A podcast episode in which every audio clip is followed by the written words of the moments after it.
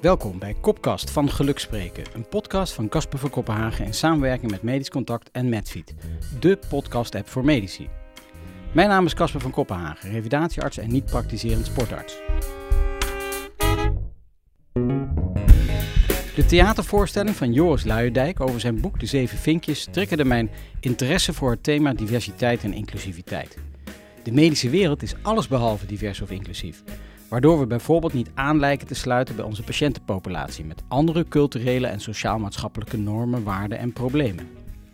We weten bovendien dat diversiteit in teams en organisaties leidt tot meer creativiteit, innovatie, werkplezier, welbevinden en dus een duurzame inzetbaarheid van het zorgpersoneel.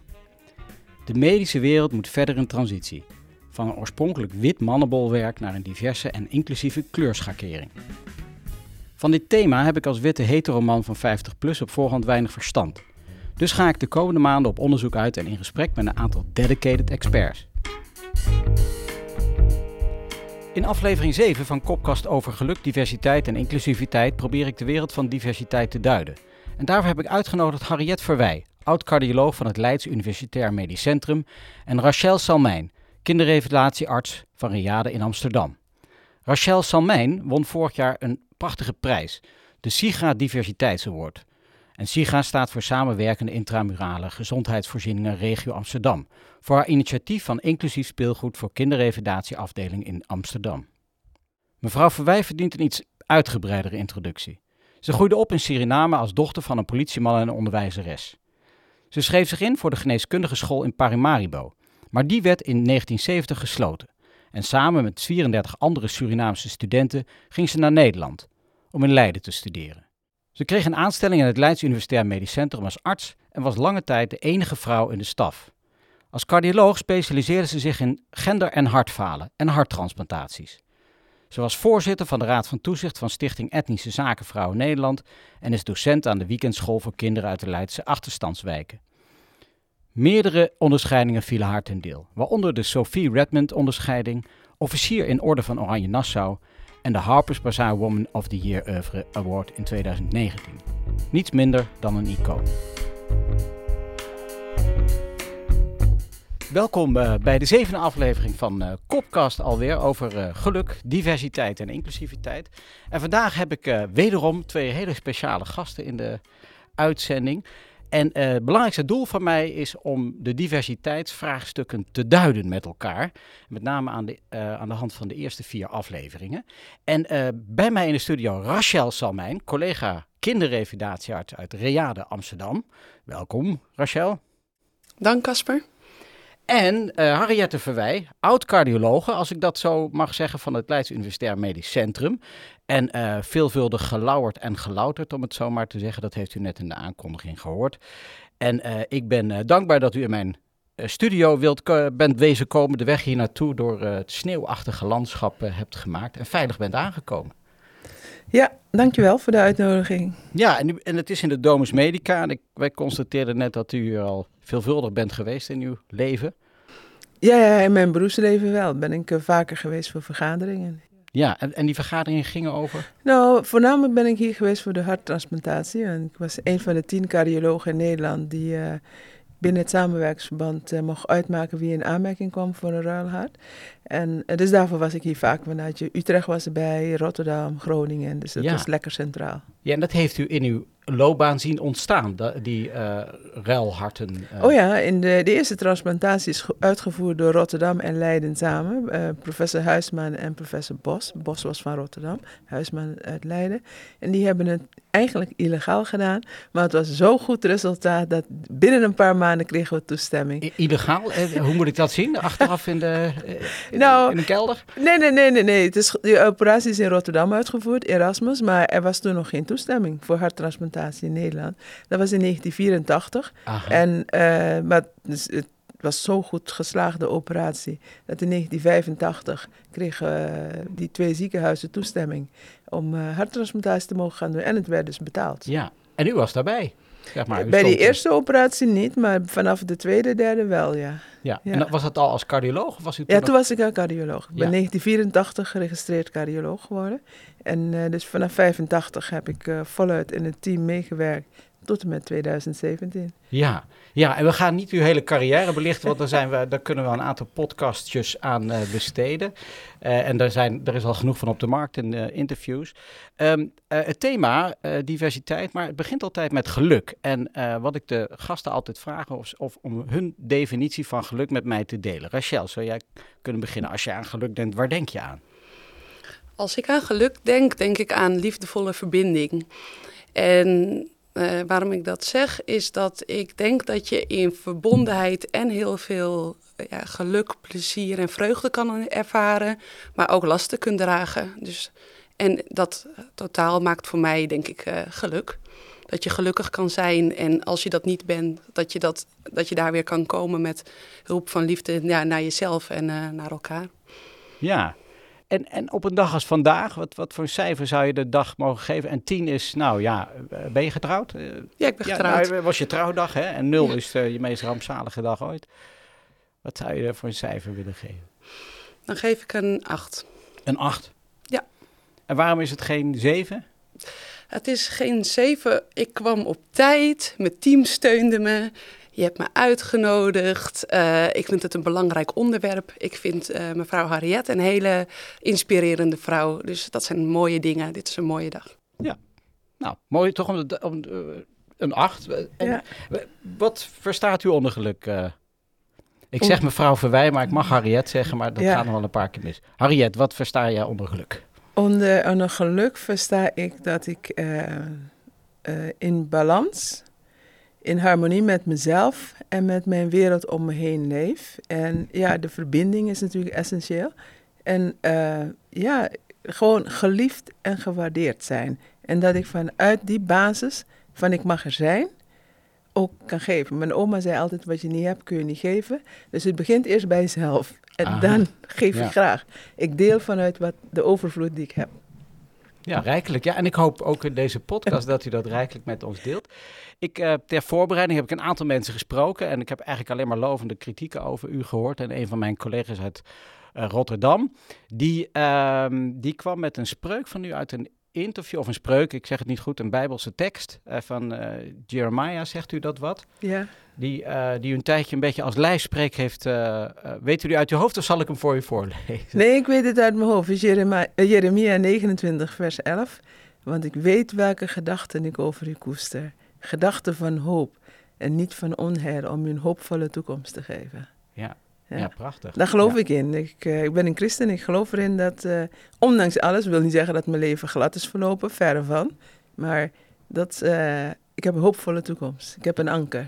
Ja, en u heeft nog heel veel toekomst voor u. Oh ja, ik ben niet van plan uh, voorlopig uit de pijp uit te gaan. Nee, nee, nee. nee. Ja, en zeker niet. Hoewel, ik, toen ik Domus Medica terrein opreed, ja? dacht ik, joei, joei, dat hadden ze moeten strooien.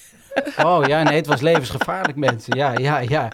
ja. Nee, deze, de, de tekst werd net aangeleverd door, of de, het appje van uh, Graciel Willems, uh, een collega van mij van, uh, van Rijndam, Rotterdam. Ja. Um, en een cijfer van de dag? Een cijfer van de dag is een dikke 8. Nou, het zou ook wel een 9 mogen vandaag. Zo. Wat moet ja. er nog gebeuren om het een 9 te maken? Wat moet nou, ik moet weer veilig thuiskomen. Ja. ja. ja. Dan is het zeker een 9. Nee, maar voor de rest, ja. Ik, uh, ik, ik, ben een gelukkig mens. Ja, ja ik ben nou, een gelukkig zo, mens. Zo, zo oogt u ook. Ja. ja, ik ben vandaag ook een gelukkig mens. Ik heb de eigenschap ook even een cijfer aan de dag te geven. En het is inderdaad een sprookjesachtige dag. Hè. De verse sneeuwval hadden we niet verwacht. Vanochtend liep ik met mijn hondje door het park. Ik denk, ja, mooier dan dit gaat het niet worden. Met een prachtig gesprek nog uh, voor de ja, boeg. Ik kreeg een mooie foto, dus ja, ik mocht die, er ook ja, in delen. ja, die had ik even gedeeld. Ja, dat is dan dat is ook delen hè, van geluk. Iemand heeft iets Ik vind dat mooi. Uh, zo deelde ik vroeger met mijn uh, collega Alle Visser, hoogleraar uh, revalidatie in het UMC. Altijd als we een mooie ochtend gloren hebben, dan delen we die even met elkaar. Doen we nog steeds. Dat, en dan ja, heb toch even een geluksmomentje. Hè? Ja. Um, nou, zo doe ik dat dan.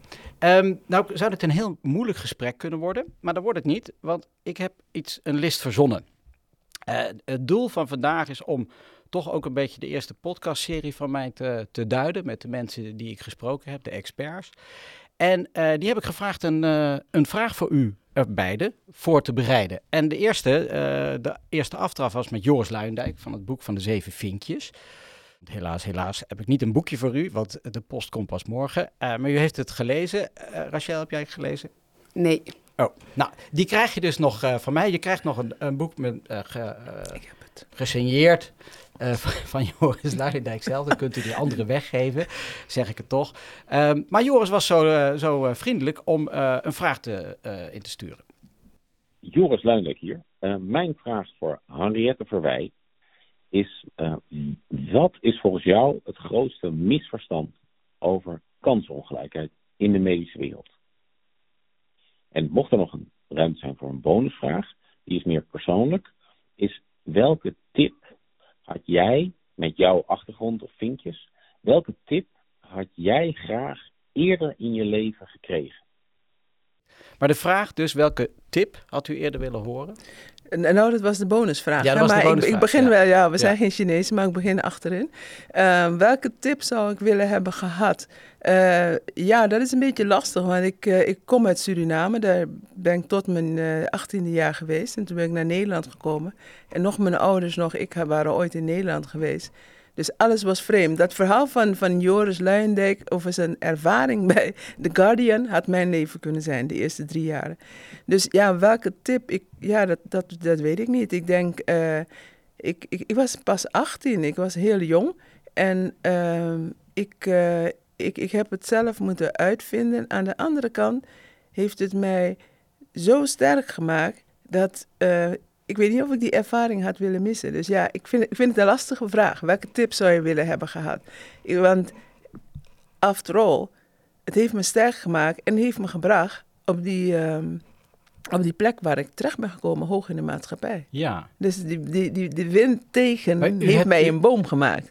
Ja, ja met, diep, met diepe wortels. Ja, ik ben verankerd. Ja. ja. Maar, en, en, maar als u in retrospectie zo uw loopbaan terugziet, had u niet hier en daar misschien uh, wat wind in de, in de rug willen hebben? Of zegt u van nou, dat heeft me echt zo gevormd? Het heeft me zeker zo gevormd. En uh, ja, wind in de rug. Uh, ik had. Kijk, we, we hebben op de middelbare school in Suriname, was de algemene middelbare school, de AMS. Hebben wel natuurlijk heel veel te horen gekregen over waar de studie in hield. En gaan naar Leiden om daar te studeren. Maar niet wat leven in wonen en leven in Nederland is. Dat zou het zeker voor iemand zoals ik, die helemaal geen familie had in Nederland, Aha. zou het wel prettig geweest zijn als ik geweten had wat leven, wonen, gewoon wonen in Nederland is. Dat gewoon om zes uur uh, alle winkels dicht waren in die tijd. ja. En dat gewoon de kruidenier in, uh, dinsdagmiddag dicht was. En weet je, dat soort banale dingen. Ja. Waardoor je praktischer was in wat je wel en niet moest organiseren. Ja, en dat je niet om zes uur bij iemand moet aanbellen, want dan eten ze. ja, nu niet meer. En, nu is het en, en dan mocht je ook niet mee eten. En dat was u natuurlijk niet gewend, dat je niet Nee, dat was ik niet gewend. Nee. Uh, dus uh, ja. dat, dat had ik wel graag weer. Had ik wat minder vaak mijn neus gestoten. Nou, ik heb maar één keer mijn neus gestoten. Oh. Want toen dacht ik, oké, okay, tussen vijf en zeven moet ik nergens aanbellen. Ja. Maar u, u, bent naar Nederland gekomen om geneeskunde te studeren. Maar ik dacht dat er ook in Paramaribo een geneeskundige school was destijds? Ja, die was er, maar die was tussen 1968 en 1972 was hij in de revisie. En Suriname had een speciale afspraak met de Universiteit van Leiden, dat in die jaren de studenten naar Leiden kwamen om te studeren. Aha. En we zijn dus ook boven de numerus fixus toegevoegd. Oh, oké. Met een, een x-aantal studenten uit van zijn, Surinaamse komaf? Ja, we zijn toen met een man of 30, 35 zijn we hier gekomen uh, in Leiden om medicijn te studeren. Je had ook andere studenten die met een beurs naar Delft gingen ja. of zoiets. Maar wij kwamen met een redelijk grote groep in Leiden. Ja, en was dat dan een hechte club? Nee, we kennen elkaar alleen maar van schoolterrein. Oh. Uh, je, de een zou wat meer contact hebben gehad met de ander dan... dan de, hè, dus dat verschil zal er geweest zijn. Maar behalve dat we elkaar van school kennen... Toen had je ook maar één middelbare school in Suriname, ja, de AMS. daarom dacht uh, ik. Ja. Was het verder? Nee, dat was niet close. En in Nederland? Of, of, ik had hier geen familie en ook nee, maar geen vrienden. Die, die, was dat een club die je dan heel vaak ontmoette? Ja, nou ja, kijk, we kwamen en waren het uh, tien uh, dames, jonge, uh, jonge vrouwen bij elkaar. We bleven ja. in één huis. En de jongens die bleven in een ander huis bij elkaar. Dus natuurlijk zoek je elkaar op. En het, inderdaad, we hadden het eerste jaar, eerste twee jaar erg veel aan elkaar. En ook aan de oudere studenten die daar langer in, in Leiden studeerden. Ja. Want vanaf 68 kwamen ze natuurlijk naar Nederland. Dus die hebben ons heel goed opgevangen. Overigens ook de ambassade toen heeft ons goed opgevangen. Ja. Nou, dat klinkt als dat het mooi ingebed is. En nou was Joris eerste vraag, en zijn belangrijkste vraag denk ik dan altijd maar, van welk groot misverstand bestaat er over kansongelijkheid? Ik, ik denk niet dat er een misverstand is. Ik, ik, ik snap dus een vraag ook niet zo goed. ja, uh, Wat voor misverstand? Ik bedoel, uh, daar heb ik het niet over mij als persoon komend uit een ander land... die al een min of meer voorbereid pad had. Hè? Want ik wist dat ik naar Leiden ging en et cetera. We hadden een kamer voor drie maanden. Dat was wel voor ons geregeld. Uh, verder verschilde ik niet veel van een gemiddelde asielzoeker, denk ik.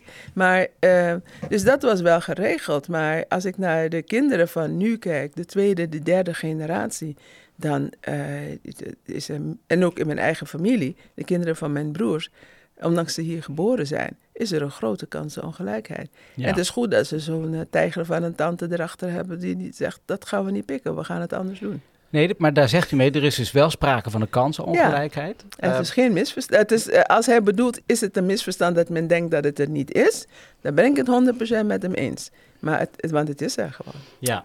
Dat, dat denk ik dat het ja. misverstand is. Ja. Dus dat er soms te, te klein over wordt gedaan. Ja.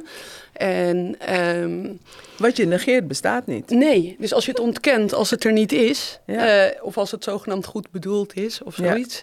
Uh, soms, mijn moeder uh, heeft een tweeling, ik ben een van de tweeling. En dan zei mijn moeder van Surinaamse komaf, ik heb twee dochters op het VWO. En mijn vader kon hetzelfde zeggen, want ze hebben natuurlijk allebei de, de, de, kinderen. En dan als mijn moeder het zei, zeiden ze, wat, VBO? Nee, VWO. Mijn moeder articuleert gewoon prima. Daar ja. lag het helemaal niet aan. Maar alsof ze het niet verwachten. Uh, en nu ook van uh, arts en psych... Arts? Ja, arts. Weet je wel, van, ja. zo is helemaal niet gek dat, dat ik arts word of dat... Uh, mijn ja. dus, dus die verwachtingen die dan soms lager zijn van mensen van kleur... of mensen met een beperking, als je in een rolstoel zit, dat mensen dan denken dat je niet slim kan zijn. Zo dat soort dingen, die ja. vooroordelen, die zijn er. En sommige mensen denken dat ze ze zelf niet hebben, maar eigenlijk hebben heel veel mensen ja. vooroordelen. Het zit is iets menselijks. Is, is dat misschien een groot misverstand ja, over kansengelijkheid? Dat we denken dat er eigenlijk wij, en ik heb het even over die witte uh, mannenpopulatie waar, u, uh, waar we het zo ook nog over gaan hebben.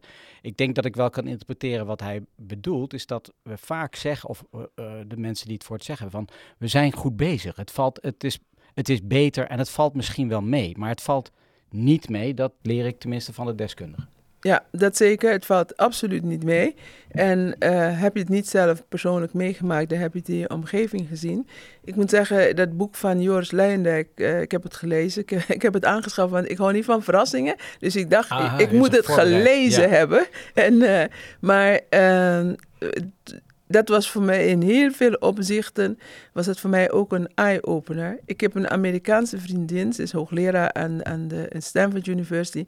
En ze zegt altijd, Harriet, wij zijn zo aangepast dat we soms niet eens doorhebben wat er gebeurt. Mm -hmm. en, toen, en toen ik dat boek van Luijendijk las, toen dacht ik, ja, ik weet al die dingen, maar ik heb sommige dingen in diepte niet eens zo geduid. Omdat ik me heb aangepast, om, ik woon in dit land. Ja. En ik wil gewoon komen waar ik wil zijn. Dus ik heb een aantal dingen me aangepast. Dat het soms ook aan mij als zwarte vrouw voorbij gaat dat het er is. En de intensiteit. Niet dat het niet is, maar de intensiteit. En, dat ontgaat mij soms. En, en kan het dan zijn dat u dat niet heeft willen zien? Of dat het niet uitkomt om dat te zien? Omdat je dat je de lelijkheid niet wil... wil oh, nee, nee, nee, nee, nee, nee. nee. Uh, want ik, ik bedoel, wat ik al zei, ik heb nichten en mijn broers en mijn zus hebben kinderen die hier geboren zijn. Ja. Dus ik, ik spreek ze en ik hoor het en ik hoor het ook van kinderen van vrienden. Maar dat het zo intens, zo intens was, zoals Luijendijk het beschrijft, dat bekroop mij ook wel. Dat ik dacht, oké, okay, bijvoorbeeld dat, dat klassenmigratie, hè, mm -hmm. dat woord kende ik ja, niet. Dat ik heb niet. ik in dat nee. boek van hem uh, gelezen. Ja. Dat... Um, en toen dacht ik, ja, want ik zit in het bestuur van het Universitair Fonds van Leiden. En wij geven beurzen aan, zeg maar, de, degenen die, de eerste generatie. En dat zijn boeren, kinderen van boerenfamilie of zoiets. Eh, niet alleen allochtonen. Die dan een beurs vragen voor een promotieonderzoek of iets dergelijks. En als je daar met ze praat, dan denk ik, oh ja, ik ben wel zwart en jij bent wit, maar wij maken hetzelfde mee. Het is er gewoon overal, als Ja. je je ogen open doet. Ja, ja. Ja, dat, dat vond ik ook een eye-opener in het boek. Dat het ook de, de witte achtergestelde man uit, uit Noord-Drenthe, om het zo maar eens even te zijn, die uit een eh, sociaal lager kader komt, die heeft ook die aanpassingen. En die moeten we ook niet vergeten, dat zegt hij ook ja. Die, die is er, maar ik bedoel, ik kende dat woord niet, klassenmigratie. Dat, dat was nieuw voor mij. En ja, ik moet zeggen dat nu ik dat boek gelezen heb, ik dacht ook nog voor mij weer in een aantal opzichten een eye-opener of een verdieping is. Dat, wat er allemaal gaande is. Ja, maar bij de voorbereiding op, op dit gesprek stuit ik op het feit dat u in Leiden op enig moment de eerste vrouw was in de medische staf, of de eerste zwarte vrouw in ieder geval. Ja, dat laatste. Uh, voor mij was uh, Meredith Sedney. Die ging toen in Den Haag in een ander ziekenhuis werken. En ik was uh, de, meer dan tien jaar ben ik de enige vrouw. En ook nog een zwarte vrouw. Ik ben ja. bijna overal de enige, ja. of eerste zwarte vrouw. En, die, hoe, hoe, vond u dat, zeg maar? Of, ja, in eerste instantie stond ik er gewoon niet bij stil. Maar dan moet ik even weer terug. Ik realiseerde me al heel vroeg in, in mijn wonen in Nederland dat ik moet gebruik maken van de talenten die ik heb. Ik weet dat ik heel slim ben. Ik hou van geneeskunde. Ik ben echt gedreven, gepassioneerde dokter. En ik dacht, ik moet mijzelf zo bekwamen dat ik onaantastbaar ben, dat ze niet voorbij dat kunnen. Ze moeten buigen voor mijn deskundigheid oh, en mijn kunde. Oh, dus ik was heel gedreven om het goed te doen, uh, zonder mijn passie te verliezen, zonder mijn liefde voor het vak te verliezen.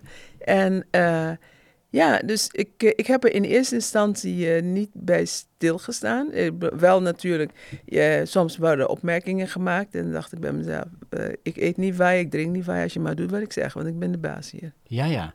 Dat, maar zoals u op mij overkomt, komt, is het in ieder geval, dat is vrij snel duidelijk bij u, hè? want u, u, u hebt een behoorlijke presentie, om het zo te zeggen. Um, uh, dus dan is het, dan, dan weten de mensen. Ik hoop niet dat ik u overweldig. Nee, nee, dat, is, niet, dat is niet de bedoeling. Ah, mijn vrouw zou er blij mee zijn, een beetje, een beetje tegengasten in die kopkast van je. Want ja. Jouw situatie, Rachel, is anders. Uh, want Zeker. u heeft het over. Uh, je mag je zeggen. Ja, je, ja. Uh, jaren 70, jaren 80, dat is 40 jaar geleden bijna. Jij stapt binnen in de medische wereld.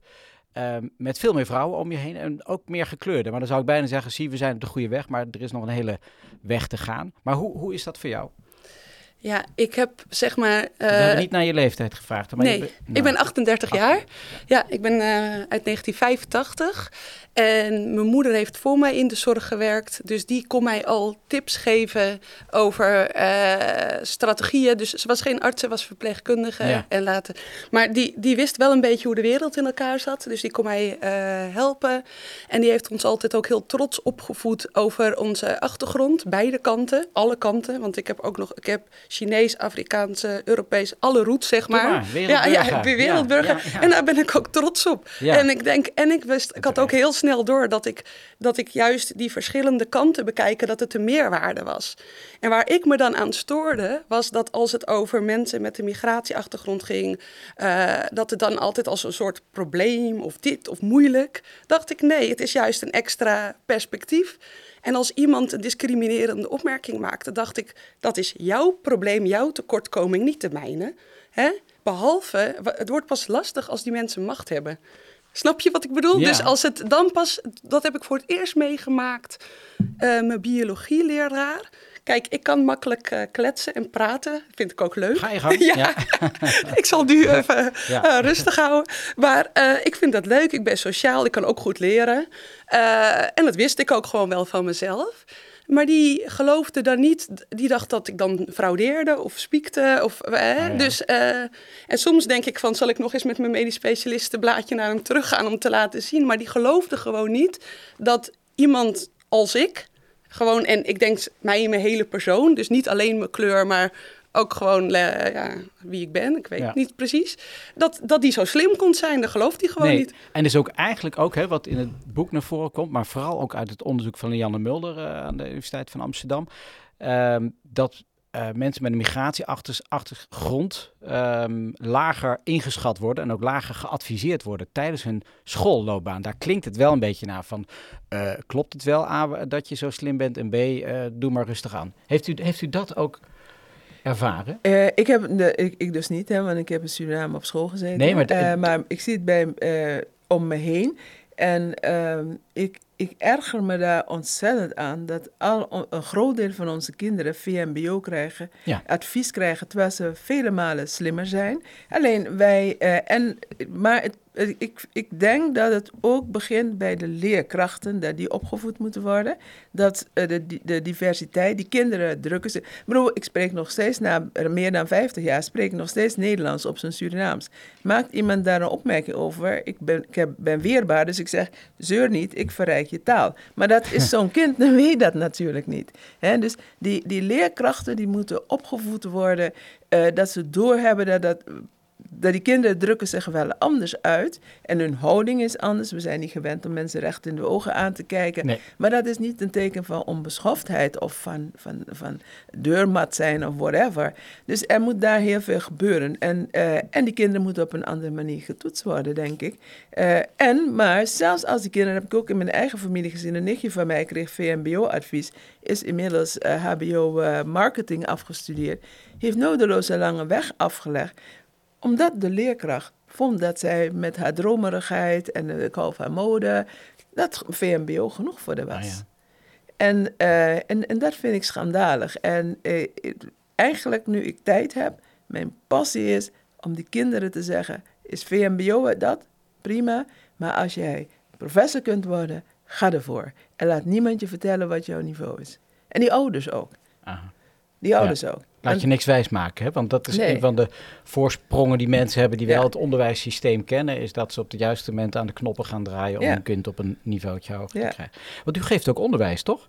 Heb ik dat goed eh, begrepen? nou, ik, ik, heb onderwijs gegeven aan de, de weekendklas. Dat, is, uh, dat heb je in verschillende steden. Dat is een programma, een driejarig programma, wat opgezet is voor kinderen uit kansarme milieus. Zat er van alles en nog wat door elkaar, ook blanke kinderen. Maar, uh, en dan werden we verschillende beroepsbeoefenaars uitgenodigd om iets te komen vertellen. Ik heb het acht jaar gedaan. Ik nam ze mee naar het ziekenhuis. En konden ze alles zien. Van de bewaker tot de keukenassistent, tot de, de, dokter, de verpleegkundige, alles. En uh, ja, ik zeg het altijd met trots. Vier van die kinderen uh, zijn nu medicijnen gaan studeren. Ah. Omdat ze iemand zagen die op hun leek. Ja. En, en want als ze in het ziekenhuis komen, ik ging eerst ochtends uitleggen wat het hart doet. En dan kwamen ze smiddags in het ziekenhuis, maar daar had ik me witte jas aan. Ja. En zeiden ze, ben jij dokter? Ik zei, ja, ik ben dokter. En ik lijk op hun. Zij lijken op mij. Dat rolmodel is, is super belangrijk. lees je ook het, alle onderzoeken terug. Dat had u natuurlijk niet destijds? Of had u wel een rolmodel? Nee, nee, nee. Ik ben de eerste in de familie die uh, überhaupt in de zorg is gegaan. En zeker dan ook direct arts. Uh, mijn vader heeft dat, dat was een droom van mijn vader om zelf dokter te worden. Ja. Goed, ze hadden geen geld daarvoor. En hij heeft, toen ik ermee kwam, heeft hij van zijn hele le verder leven dat gestimuleerd. Ja, ja, ja. dat is meteen een bruggetje naar mijn tweede uh, vragensteller. Het is Chantal van Andel, uh, onderzoeker aan de Erasmus Universiteit. En zij kreeg in haar PhD boven tafel dat uh, mensen met een migratieachtergrond tijdens hun kooschappen stelselmatig ondergewaardeerd worden. Krijgen gewoon lagere cijfers, gewoon zwart op wit, harde cijfers. Dus in plaats van een 7,5, een 7 of nog minder. Um, ik schrok daar enorm van. Ik dacht, hoe kan het nou? Want het kan niet zo zijn dat ze minder slim zijn. Maar op het moment dat je één op één wordt beoordeeld, één op één wordt afgerekend in de praktijk, scoren ze lager. En dat heeft van alles te maken met dat, we, dat het niet fit. En zij heeft ook een vraag aan u gesteld. Beste Ariette, mijn naam is Chantal en ik werk bij het Erasmus MC in Rotterdam. Bedankt dat ik u een vraag mag stellen. Als u uh, hedendaagse dokters een wijsheid of een inzicht zou mogen meegeven uh, die te maken heeft met inclusieve zorg, welke zou dit dan zijn en waarom? En zijn er misschien bepaalde waarden die u in de hedendaagse zorg mist? Nou, uh, om met het laatste te beginnen, waarden. Kijk, het, probleem is natuurlijk dat andere, andere mensen dan de geëikte witte dokter, en vrouwen zijn redelijk in de, in de zorg vertegenwoordigd, ook als medicus. Uh, het kan altijd beter. Maar uh, dat de reflectie, zeg maar, of de weergave van de samenstelling van de Nederlandse bevolking in de zorgpopulatie ontbreekt. En ik ben een van de weinigen. Ik probeer me nu even te herinneren of er nog in die tijd toen ik werkte nog meer zwarte mensen in het LUMC werkten als medisch specialist. Volgens mij niet, of misschien één of twee nog. Maar uh, dus dat is geen weergave van de gemeenschap die wij dienen, waar we voor staan. En uh, dus dat, daar moet heel veel aan gedaan worden. Um, maar je hebt professor, um, ik dacht dat ze Muis, Muis, Muizenborg of zoiets heet. Ze zit in ieder geval in het Radboud UMC. En die heeft ook heel veel onderzoek gedaan. En uh, ik was met haar anderhalf jaar geleden in Utrecht. Ik was uitgenodigd in het kader van een gelijk onderwerp als diversiteit. Mm -hmm. En zij liet echt zien van de studenten, hè, die komen van het middelbaar onderwijs of, hè, uh, en dan gaan ze naar de universiteit. Hoeveel er al uitvallen ja. om in de, op de universiteit te komen en hoeveel daar nog van uh, arts naar specialist uh, weer uitvallen. En uiteindelijk kwam in haar onderzoek naar voren dat maar 1 tot 2 procent van de groep die zij had gevolgd, die een andere achtergrond had dan de klassieke witte persoon, uiteindelijk medisch specialist werd. Ja. Ik was geschokt daardoor. Ja, en, uh, dat, toen, uh, ja. en zij hadden dus over de leaky pipeline. We hebben daar een hele indringende discussie gehad. Ook heb ik het met, met nog een andere hoogleraar van Utrecht en met de decaan Hoes over gehad. Dat het onbestaanbaar is. Ik bedoel, als je naar de getallen van WRR kijkt, is Nederland misschien in het uiterste oosten. Is Nederland gewoon gemengd. Nederland is niet meer homogeen wit. Zeker niet. En nee. dus, dus hoe kan het dat maar 2% van die mensen medisch specialist zijn. Um, dus uh, daar moet heel veel gebeuren, de, weer, de verdeling binnen de zorg. Ik denk dat het belangrijk is ook dat mensen weten het cultuurverschil wat er is. De eerste keer een patiënt tegen mij zei, een Surinaamse patiënt... ja dokter, ik zal die medicijnen drinken. Toen dacht ik, drinken? Je moet ze gewoon slikken. Want bedoel, dat, zo spreekt men in ja. Nederland. En dus ja. ik knapte dat hele drinken. Ik denk, straks maakt ze een pilletje open, want ze denkt dat ze het moet uitschudden. En maar ze drinkt, ja, natuurlijk, want ze neemt een glas water, dus ze drinkt het. En uh, dus daar moeten we meer bewust, zijn, bewust van zijn, cultuurverschillen. Ook hoe ziekte wordt ervaren binnen de verschillende cultuurgroepen. Uh, je moet het uitleggen naar een ongeacht achtergrond en naar een niveau dat de patiënt begrijpt waar het over gaat, dat de patiënt begrijpt wat de bijwerkingen kunnen zijn. Als de behandeling niet lukt, dan is het de schuld van de dokter en niet van de patiënt. Dan heb je het niet goed uitgelegd. Oké. Okay, ja. dat, dat, dat, was mijn standpunt ja. altijd. Dan, als die patiënt niet heeft gedaan wat ik heb gevraagd, dan heb ik het niet goed uitgelegd. Nee? Oh, nee. Ze luisteren nooit goed. En, uh, nee, ja, nee, ja. heb ik, want ik ben de deskundige. Het is mijn verantwoordelijkheid om het zo uit te leggen dat die persoon het begrijpt en weet wat van hem of haar verwacht wordt. Die ook weet wat het doel van de behandeling is, wat hij kan verwachten aan bijwerken, zodat niet als ze hoofdpijn krijgen op dag 2, dat ze de behandeling. Als die patiënt weet, ik kan lichte hoofdpijn krijgen, dan denk ik, oh ja, die dokter heeft gezegd, maar bij dag 4 is het weg. Dan gaan ze gewoon mee door. Dus als die patiënt bij dag 2 stapt vanwege een bijwerking, heb ik mijn huiswerk niet goed gedaan. Okay. Het ligt het fout bij mij en niet bij de patiënt. Ja. En, nou, u kijkt um, me er ook bij aan dat ik die pillen, die pillen ga ik slikken, dat is duidelijk. Ja. En wat verder ook belangrijk is, dat realiseer ik me naar aanleiding van dat, de podcast die je me had toe, of kopkast die je me had toegestuurd, dat um, die,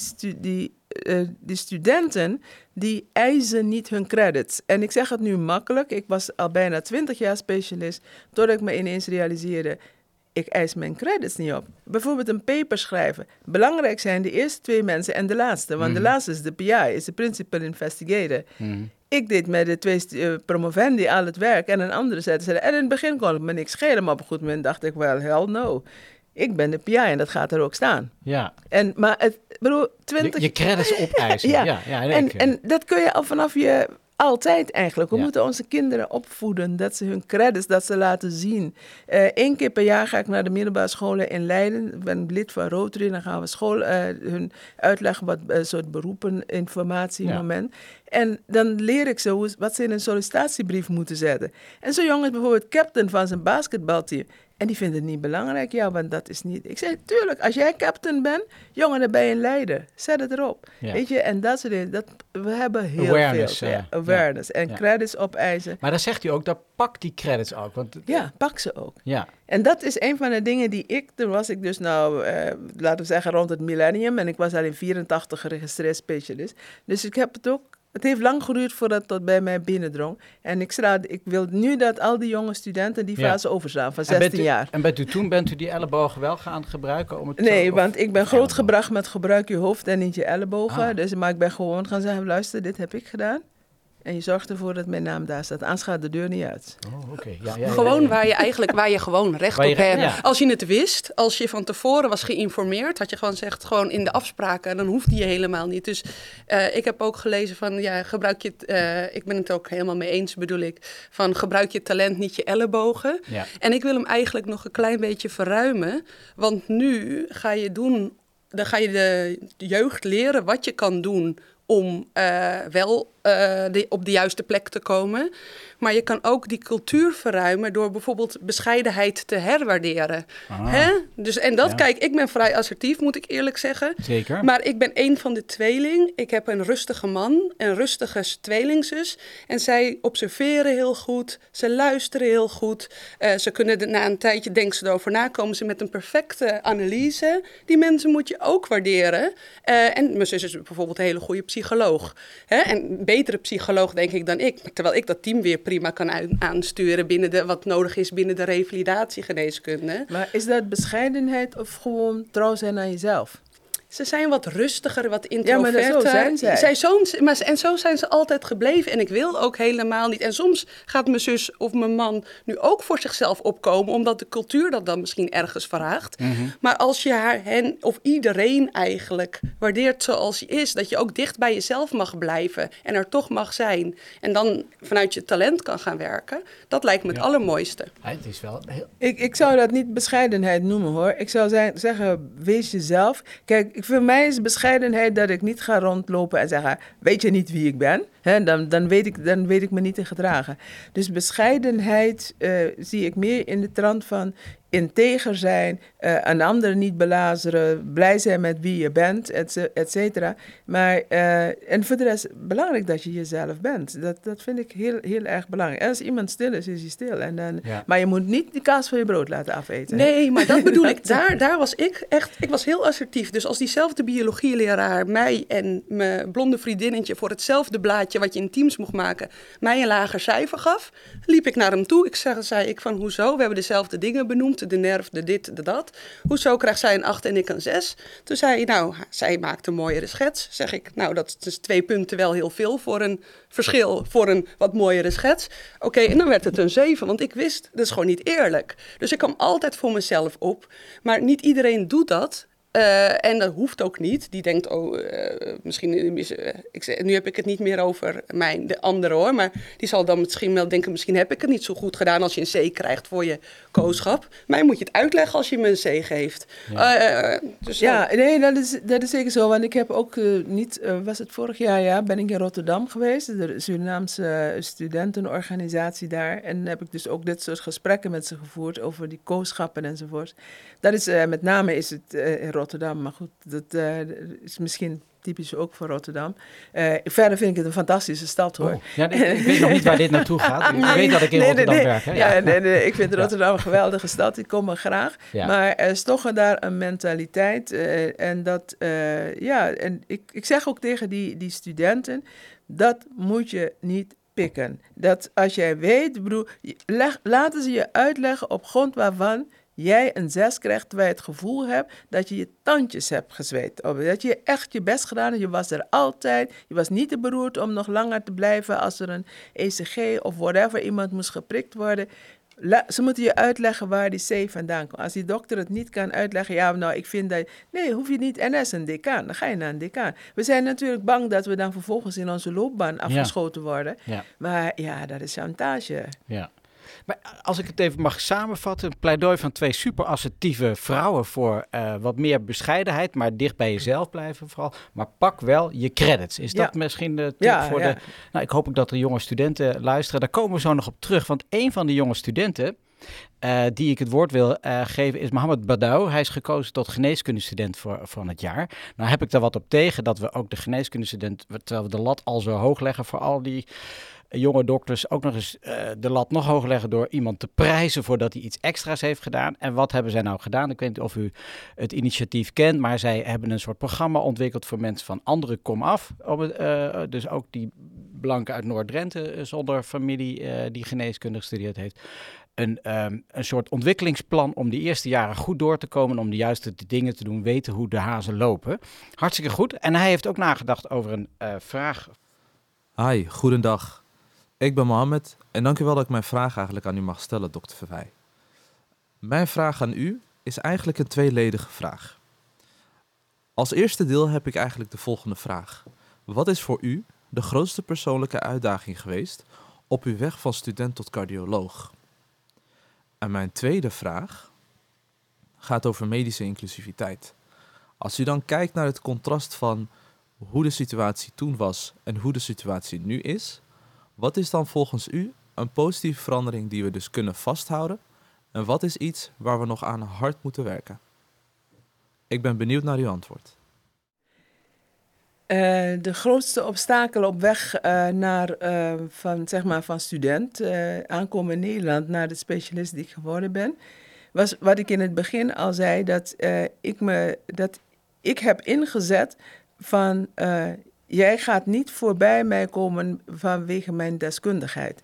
Uh, en in het begin was ik daar misschien wel heel erg getarget door. Uh, dat ik mezelf ook weinig vrijheid gunde. Ik dacht, ik ben slim, ik hou van het vak, ik ga ervoor. En ik was daar helemaal op geconcentreerd. Dus uh, ik was eigenlijk meer voor mezelf een obstakel.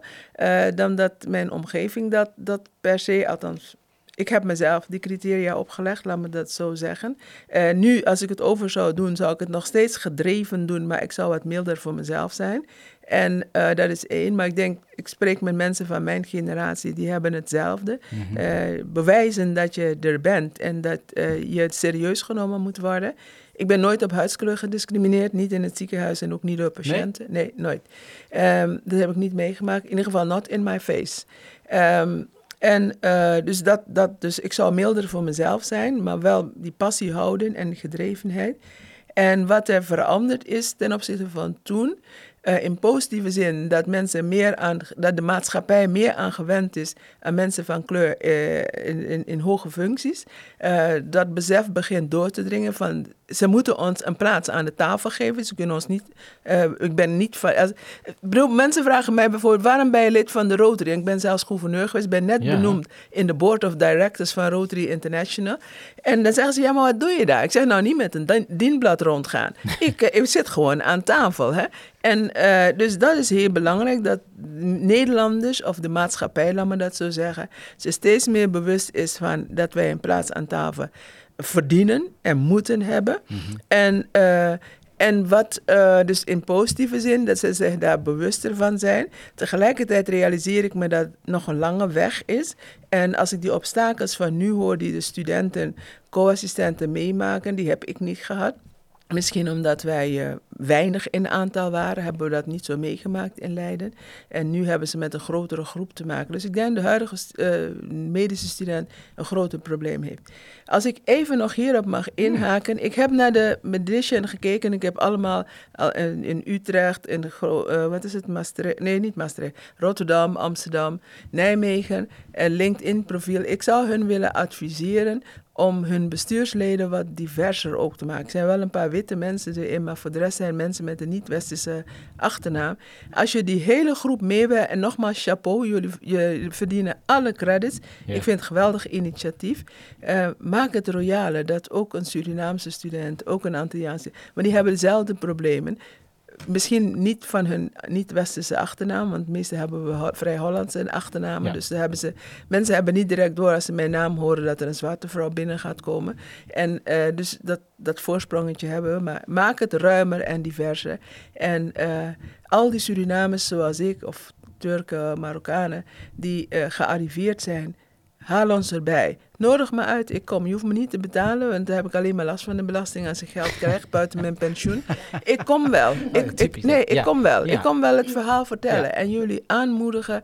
Ik ben de grootste fan van jullie. Oh. En uh, dus, dus nodig me uit. Uh, vraag oh, het aan uh, meneer Van Koppenburg. En die Kopenhagen. Kan je, Kopenhagen. Van de Kopkast. Dat maar, ja, Kopenhagen. vrienden noemen me Kop. Dus de kop, vraag hem maar naar mijn mailadres of je kunt me vinden op LinkedIn. Ik kom wel, want ik vind het een geweldig oh, wat, initiatief. Wat een uitreiking. En ik denk dat ze luisteren, want ze komen erin voor. Want Marwan El Abzouri is zijn uh, vriend en collega. Die had ook een vraag ongeveer hetzelfde.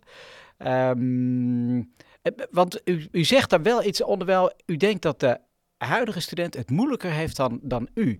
En Rachel is van oudere daad, want u schetst een beeld van, nou, ik ben eigenlijk wel goed ingebed geworden en ik heb me van het begin af aan gezegd, ze pakken me niet op mijn kennis. En, daar, en u heeft verder, zegt u, ook in meerdere interviews, eigenlijk daar niet zo'n last van gehad te hebben, niet gediscrimineerd. Hoe is dat voor jou geweest, Rachel? Nou, ik heb me niet veel gediscrimineerd gevoeld, maar als ik onterecht behandeld werd, uh, en dan kan je zeggen, was dat omdat ik vrouw was of was dat omdat ik... Weet ik niet. Maar ben ik gewoon altijd voor mezelf opgekomen. En je kan op heel veel gronden onterecht behandeld worden. Dus diversiteit is breder dan van opkomst. Of ik heb nog neurodiversiteit. Het mhm. wel of niet hebben van een beperking. Nou, allemaal dat soort dingen. En ik zie het wel, maar ik heb wel eens bijvoorbeeld een, een, een docent gehad uh, tijdens me, toen ik nog geneeskunde studeerde, dat ik een vraag stelde wat iets betekende tijdens een college. Dus dan mag je denk ik ook een vraag stellen. En die zei dat ik dan thuis geen moeilijke woorden had geleerd. Nou, Oh. Nou, oh, dacht ik, hè? eh, maar, maar anderen zouden het dan laten. Die zouden zich dan, zouden dan denken van, nou oké, dan uh, had ik dat misschien niet moeten vragen. Maar ik vond het onterecht. Dus ik sprak hem na het college even aan van, hé, hey, hij had het ook voor die hele groep gezegd, voor 300 anderen gezegd. Van, uh, er zit hier iemand in de zaal, diegene. dus zo, hè, dus dat was eigenlijk een beetje denigrerend hoe je dat had aangepakt. Terwijl ik hem de vraag één op één had gesteld, wat een bepaald woord, het woord Floride betekende. Ik weet het ook echt nog. ja, dus ja, ja, ja, ja. En uh, nou, ik weet het dus voor de rest van mijn leven. Ja, duidelijk aanwezig. maar, maar ongeveer uh, niet iedereen weet het. Hè? Dus nee, gewoon een... Hè? Ongeacht Ja, precies, ongeacht de kom af. En uh, dus uh, had het me uitgelegd en zegt: Ja, mijn zoon van 14 weet wat het betekent. Dus al met al, hij vond dat ik het niet kon vragen. Ik zeg: Nou, ik ben het een, oneens, want als je docent bent, leer je mensen. Dus moet je dus ook een open houding hebben. Dus toen zei hij: van, Nou, meisje. Dus toen was ik oh. opeens meisje geworden. Dan moet je maar een klacht gaan indienen. Ik zeg: Nou, mijn bedoeling was dat we hier van elkaar gingen leren. Dus ik wilde een vraag, dus een woord. En u zou kunnen leren dat, als, dat het een veilige leeromgeving belangrijk is. Nou, maar als een klacht daarvoor nodig is, nou, dan doen we het zo. En toen kreeg ik excuus namens de afdeling en oh. dit en dit. Het was niet mijn bedoeling om hem een klacht aan te dienen. Ik vind het gewoon onterecht dat ik geen vraag mag stellen tijdens een... Heel even over die talen, want u zei daar net ook iets heel interessants. Dat u uw Surinaamse tongval, mag ik het zo zeggen... Uh, maar ook de manier waarop ik me uitdruk. Ja, de, ja dus een uitdrukking, dat u dat uh, bewaard heeft, gekoesterd heeft. Want je zou je ook kunnen denken, en dat gebeurt ook, dat mensen zich volledig aanpassen en nog geaffecteerder praten dan, uh, dan de gemiddelde chirurg, om het zo maar te zeggen. Nee, ik bedoel, ik heb, bedoel, ik, heb, ik heb altijd gesproken zoals ik nu spreek. Ja. En ik natuurlijk ben heeft u dat overwogen om... om, om nee, maar waarvoor? Ik, ik, het is niet eens in mijn hoofd opgekomen om dat, aan te passen. Maar ik bedoel, ik heb ook niet een typisch Surinaams accent. Maar je hoorde natuurlijk dat ik niet hier geboren en grootgebracht ben. Dat ik een andere achtergrond heb. Maar bijvoorbeeld, ik zeg, uh, bij tijd en gelegenheid. En dan zeggen ze, nee, het is bij tijd en wijle. Dan zeg ik, ja, ik verrijk je taal. Je kunt nog een andere variant gebruiken. Weet je, dus, dus dat soort dingen. Dat ik soms, en ik ben uh, in Suriname, ook door onze Surinaamse taal, hè, Suriname uh, we zijn meer op het Engels afgestemd. Dus ik weet bijvoorbeeld niet het verschil, emotioneel, uh, het gevoelsmatige verschil tussen hoewel en of schoon. Ik gebruik ze door elkaar. Ja. En uh, als indien. Ik, ik, ik weet niet wanneer het de een of het ander. Voor mij zijn er twee woorden die hetzelfde zeggen. Hè, dat er een conditie aan verbonden is. Maar dat je één moment specifiek als moet zeggen aan moment indien. Dat, dat ontgaat me. En dan corrigeren mensen dat wel eens. En dan kijk ze Gebruiken aan. ze dan allebei, als, in, als indien, zeg maar? Nee, nee, gebruik ze niet allebei. En dan kijk, denk ik tegen ze... Ja, dus, soms wil ik, zeg ik iets en als ik not in de mood ben, denk ik... Loop door, jij. U bevindt zich in goed gezelschap. Het woord of schoon, de, uh, het meest gebruikt door Johan Cruijff. Die zei het in iedere zin ongeveer of schoon. Dus die gebruikt het gewoon als uh, stopwoordje om een volgende zin. Nou ja, um, we zijn al rijkelijk uh, in, de, in de tijd. We moeten een beetje richting een afronding helaas. Want ik heb het idee dat we nog uren met elkaar... en ik kan zoveel van jullie leren. Um, en ik hoop ook de luisteraars. En ik sluit altijd een beetje uh, af zoals Tan Huis met zijn college tour van wat zou je studenten willen meegeven. En nou uh, keek ik van de week naar uh, één vandaag.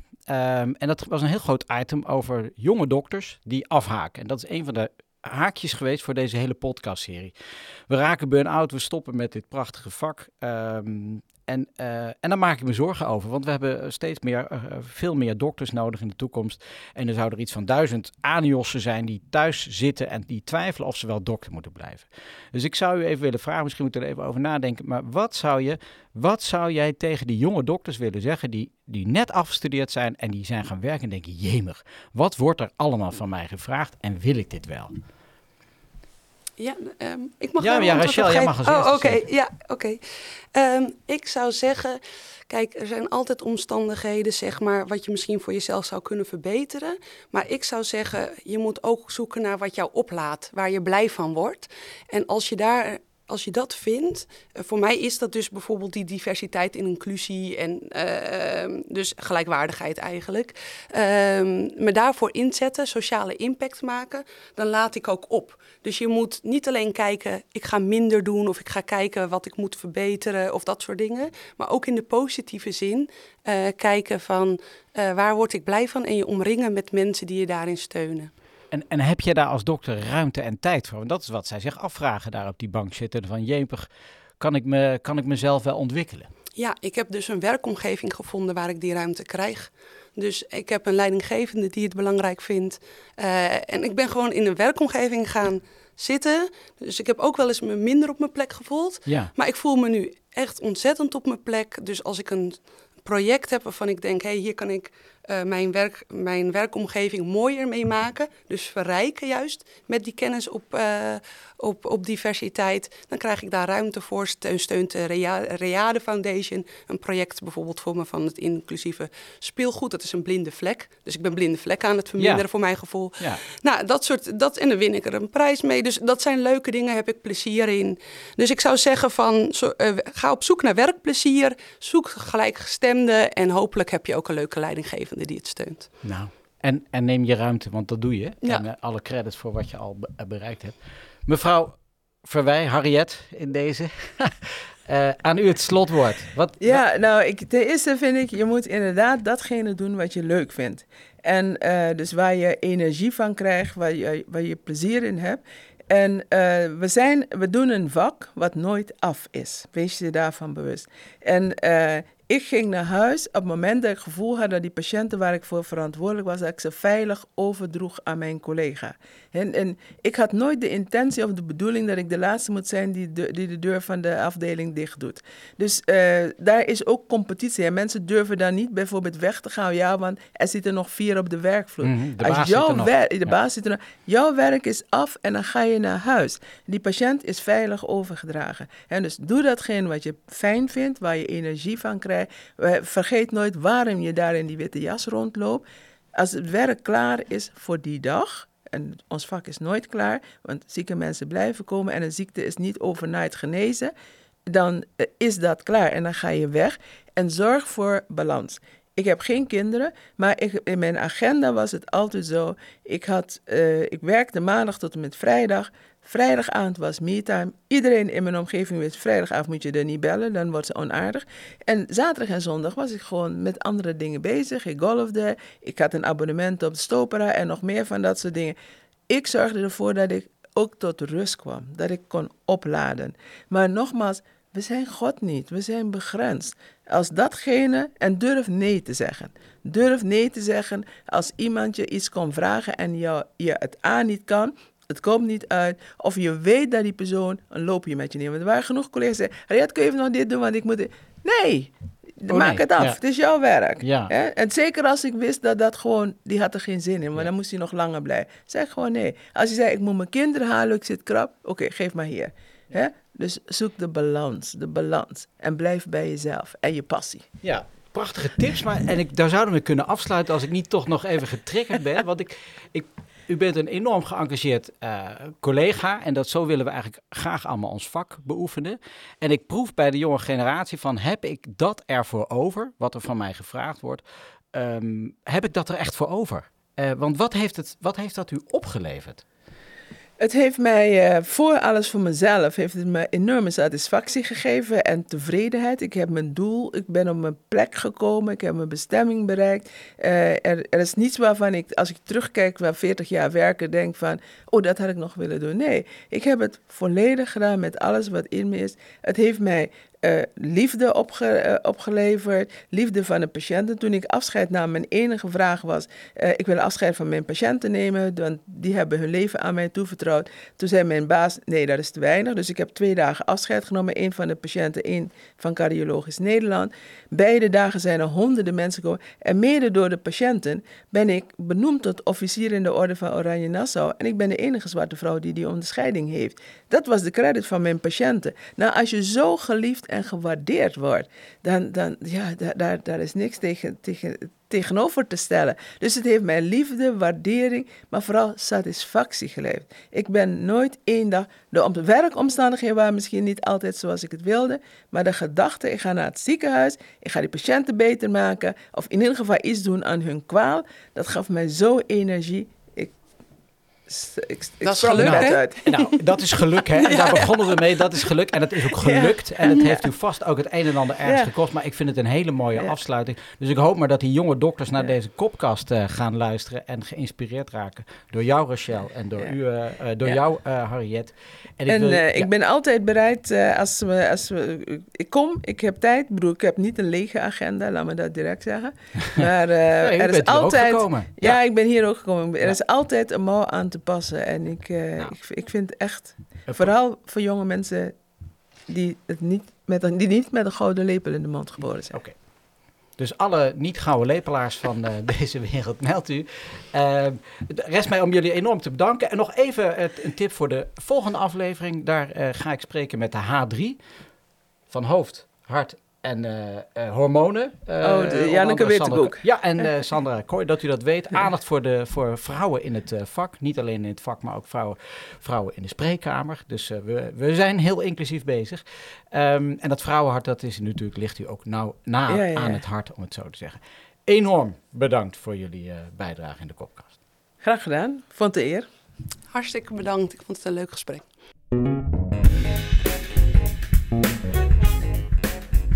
U luisterde naar een aflevering van podcast Kopkast van Gelukspreken. Een productie van Casper van Kopenhagen in samenwerking met Medisch Contact en Medfeed. De podcast-app voor medici. Niets missen van Kopkast? Abonneer je gratis op deze podcast.